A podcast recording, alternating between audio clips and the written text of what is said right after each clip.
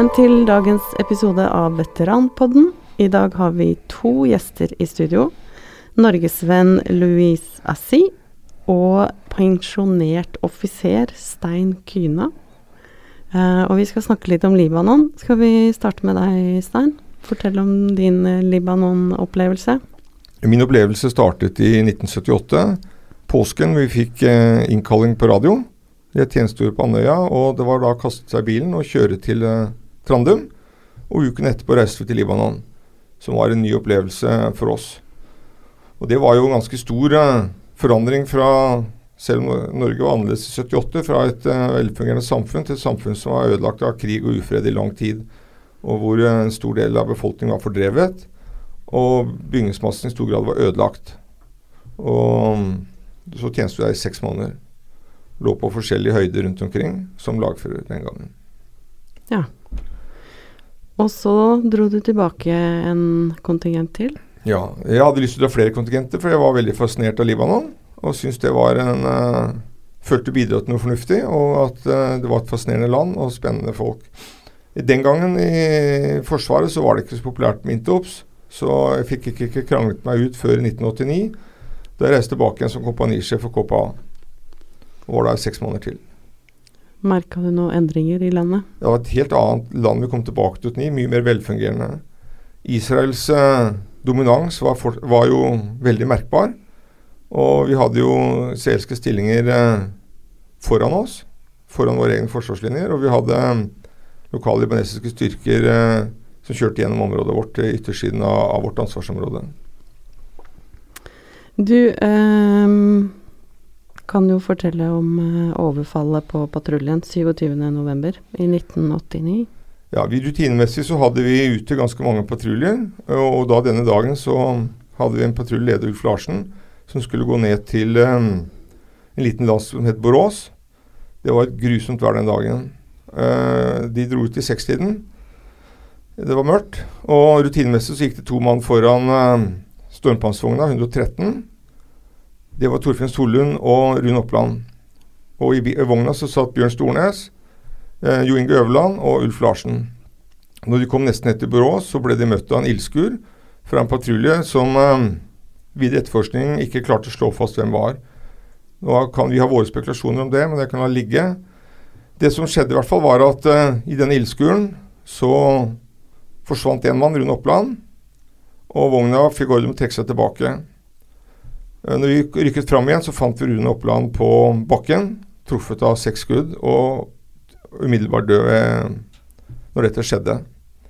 Uh, jeg liker å trekke fram patruljen som sådan, at de klarte å beholde roen under denne voldsomme ildskuren. Det ble skutt i hvert fall to panservernraketter. Det ble brukt maskingevær, og det var en, mellom åtte og tolv stykker cirka, som åpnet til samtidig. Det ble også skutt tilbake fra, fra vogna.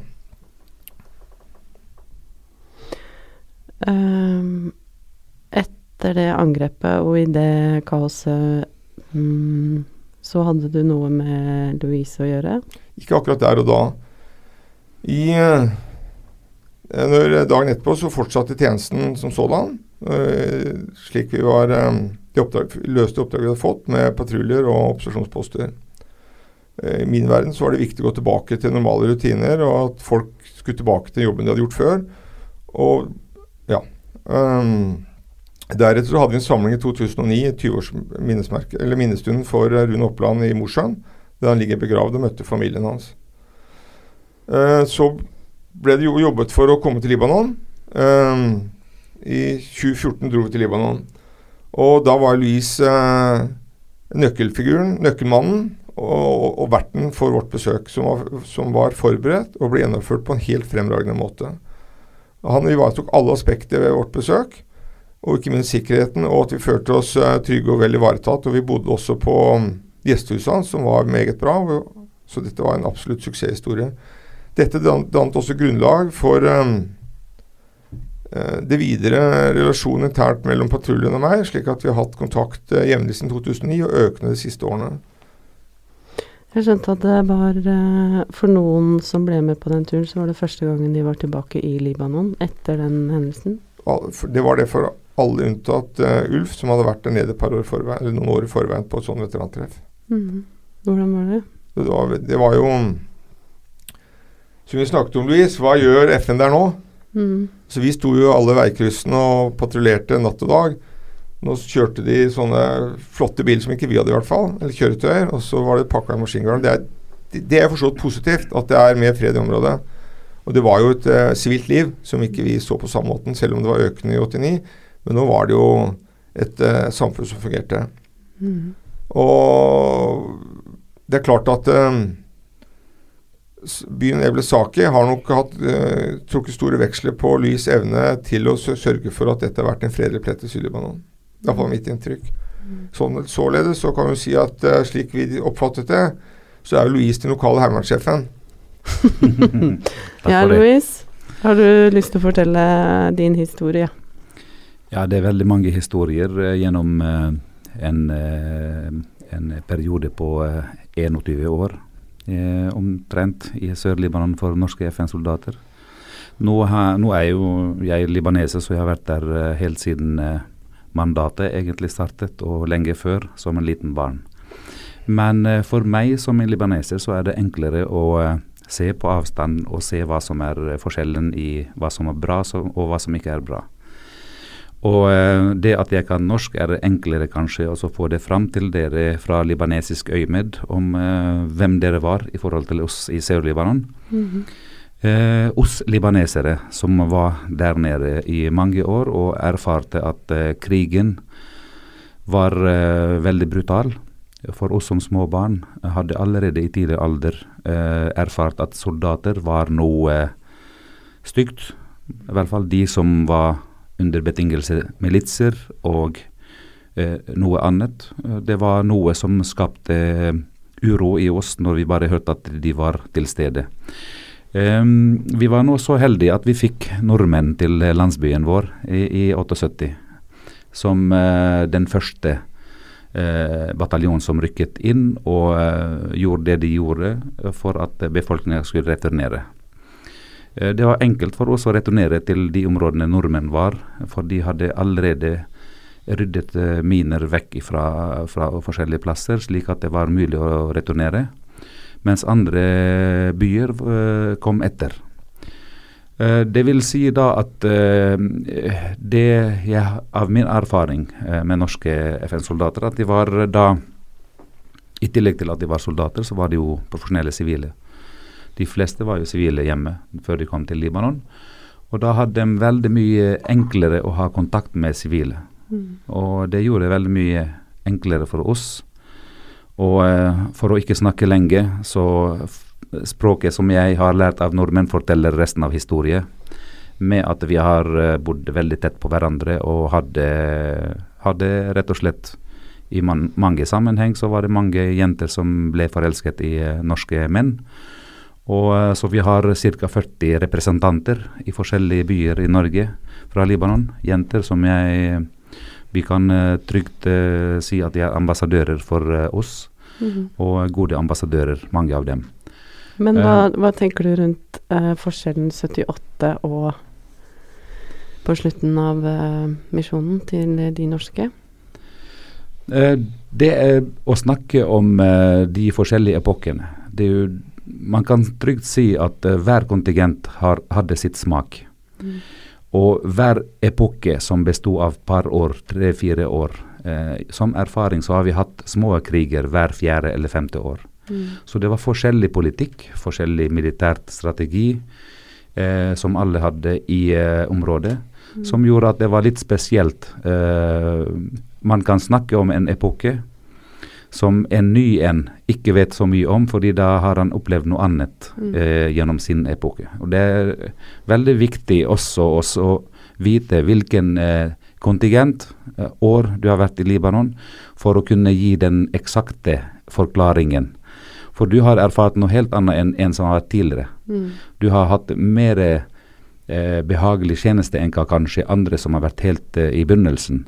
Og det er ikke å, uh, hermed å si at det er da uh, vært uh, enklere for andre, for det var jo epoker. Det var jo økt aktivitet. Enkelte ganger så var det lavere aktivitet andre ganger. Og alt avhengig av situasjoner som var eksisterte i Midtøsten.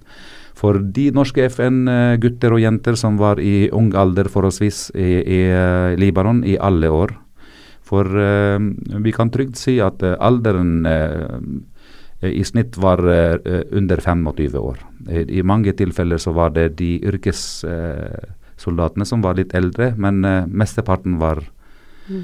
i en ung alder. Det vil si at de var veldig flinke til å gjennomføre et FN-tjeneste som er til å skryte om de norske FN-soldatene som har vært i Sør-Libanon, har da lagt til rette det som FN gjør nå per i dag. Mm. De norske soldatene som har vært der nede i lag med noen andre nasjoner i 78, som besto av en tall på 5000 til 6000 på det maksimale i begynnelsen, mm. som gikk ned til 4000 og kanskje 2600 siste kontingenten, eller siste årene før frigjøring i år 2000. Mm. Uh, hva hadde helt annerledes uh, tjeneste enn hva de som mm. har det etter 2006-krigen, hvor mandatet ble endret fra til å være 425, FNs mandatet, til 1701. Mm. Som da hadde mer enn 12 000 UN-soldater fra 40 fors forskjellige land mm. eh, som tjenestegjør. Uh, helt andre omstendigheter, helt andre uh, nivå, levenivå, uh, helt andre kjøretøyer som man Som vi nevnte tidligere. Og som gjør at, det, at selveste tjenesten er mye enklere nå. Mm. Og mye mer behagelig for enhver soldat. For nå kommer det jo en del nordmenn og vil ned til Libanon for å se på landet og områdene hvor de har vært og tjenestegjort og sånn. Hvilke tilbakemeldinger får du av de på Det er en grunn hvorfor jeg snakker sånn, for da, jeg, da har jeg plusset litt på min mm. informasjon gjennom det som jeg har erfart. Uh, de fleste som kommer ned nå, uh, om det er sivile eller om det er soldater som skal tilbringe en ferie, eller om det er uh, sånn som Stein Kynø, som var ned med en patrulje. Det var en oppdrag. Det var for oss å som du kan gjerne kalle å stenge en dør. Det var veldig heftig for dem som har vært i en, eh, en episode hvor det var hardt. De hadde mistet en kamerat. Eh, eller eh, har i, i, mange sammenheng blitt, eh, fått en som har vært skadd, og var, gikk skadd både utvendig og innvendig resten av livet. Mm -hmm. Det er viktig også å få frem at for de som har vært utsatt, så har det vært annerledes enn de som ikke har vært utsatt. Mm. Og veldig ofte så er han som blir skadd, får eh, fysiske skader og psykiske skader. Og han som ikke blir skadd med i en patrulje, får eh, skader i hjertet som kan vare i evig tid. Og det er eh, viktig å, å, snakke om dette her, fordi eh, jeg har uh, vært så langt uh, unna som Libanon og tatt Jeg er en person som svarer på hundrevis av samtaler døgnet rundt. Mm. Det hender ofte at en plutselig ringer og, og snakker klokka to om natta. Mm. Og han vil snakke om en, en, ting som vil gjøre han litt beroligere. Mm. Og uh, det forteller også at det er for noen som har uh, litt problemer. Så jeg funker mm. på en måte eller annen en god kamerat på avstand, mm. som er igjen sånn som amerikanere kaller 'missing in action' i mm. et eller annet sted i Sør-Libanon. Som gjør at uh, ja, jeg mottar de samtalene og prater litt helt åpent om hvordan det er, og forklarer at uh, det er livet må fortsette, og det gjør en òg. På veteran, den nasjonale veterankonferansen i går så reiste alle seg og klappa for deg når du holdt foredraget ditt. Du er jo en person som har betydd mye for norske soldater i Libanon. Og du har lært deg norsk, og du har vært i landet mange ganger. Um, hvordan ble livet ditt når de norske dro? Jeg må bare si at jeg I går så var jeg eh, Jeg sto og, og, var ferdig med, med, det jeg hadde å, å si under, eh, under eh, konferansen. Eh, akkurat den stunden hvor alle reiste seg, den husker jeg nesten ikke. Det var Jeg fikk uh, Ja, der stoppet det litt for meg. Og når jeg stirret i alle ansiktene som jeg så, så kunne jeg plukke alle de ansiktene som jeg kjente igjen. Mm. En, hver en og en, selv om det var mørkt nede i eh, salen, Mm. så kunne jeg se de ulike øynene som sto og stirret mot meg. Og øh, jeg hadde problemer i midten av eh, min foredrag Mm. om å fortsette. Og det forteller også den uh, sannheten i dette her. Eh, det var veldig spesielt, og jeg er veldig ydmykt at, eh, at det er blitt så det er blitt. Eh, og la meg bare også lyse på en ting. At etter at så mange tusen UN-soldater, norske, norske UN-soldater har vært i Sør-Libanon, mesteparten har vært gjennom min landsby og mitt område, og nå siden jeg er i bystyret og har litt annerledes status enn det jeg hadde før, ønsker jeg virkelig at det skal bli noen relasjoner, sånn skikkelig ordentlige relasjoner mellom de to landene gjennom veteranarbeid. Eh, jeg er eh, her for å, for å gi en hånd.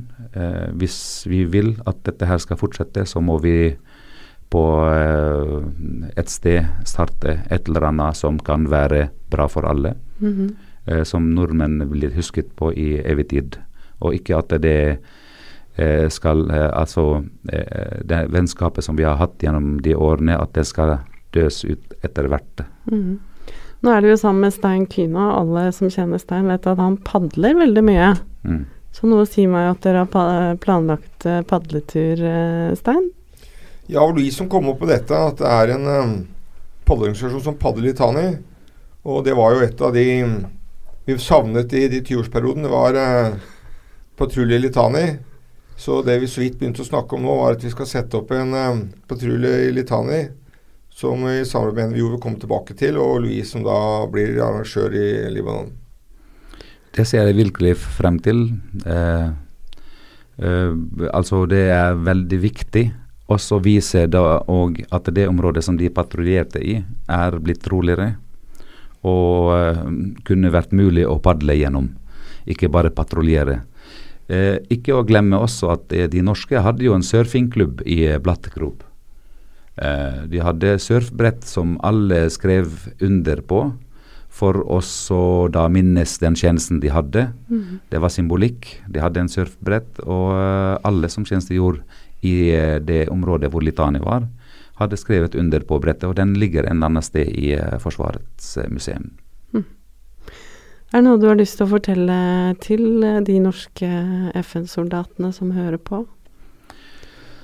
Nå har vi fått sagt mye, men eh, jeg vil eh, si en ting.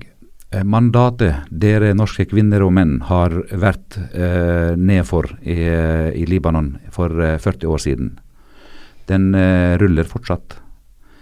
Eh, med helt andre omstendigheter ruller den, men det er veldig viktig å vite at uh, i snitt så har vi nå Vi har ca. 40 land som deltar i FN i Sør-Libanon. Jeg vil nevne noen land for å vite uh, betydningen på dette. Kina har en uh, deltakelse i FN i Sør-Libanon og i gamle Norbat-området attpåtil. Eh, Indonesia er der. Eh, Nepal er igjen der. Um, eh, vi har Tanzania har en eh, militærpolitikompani der.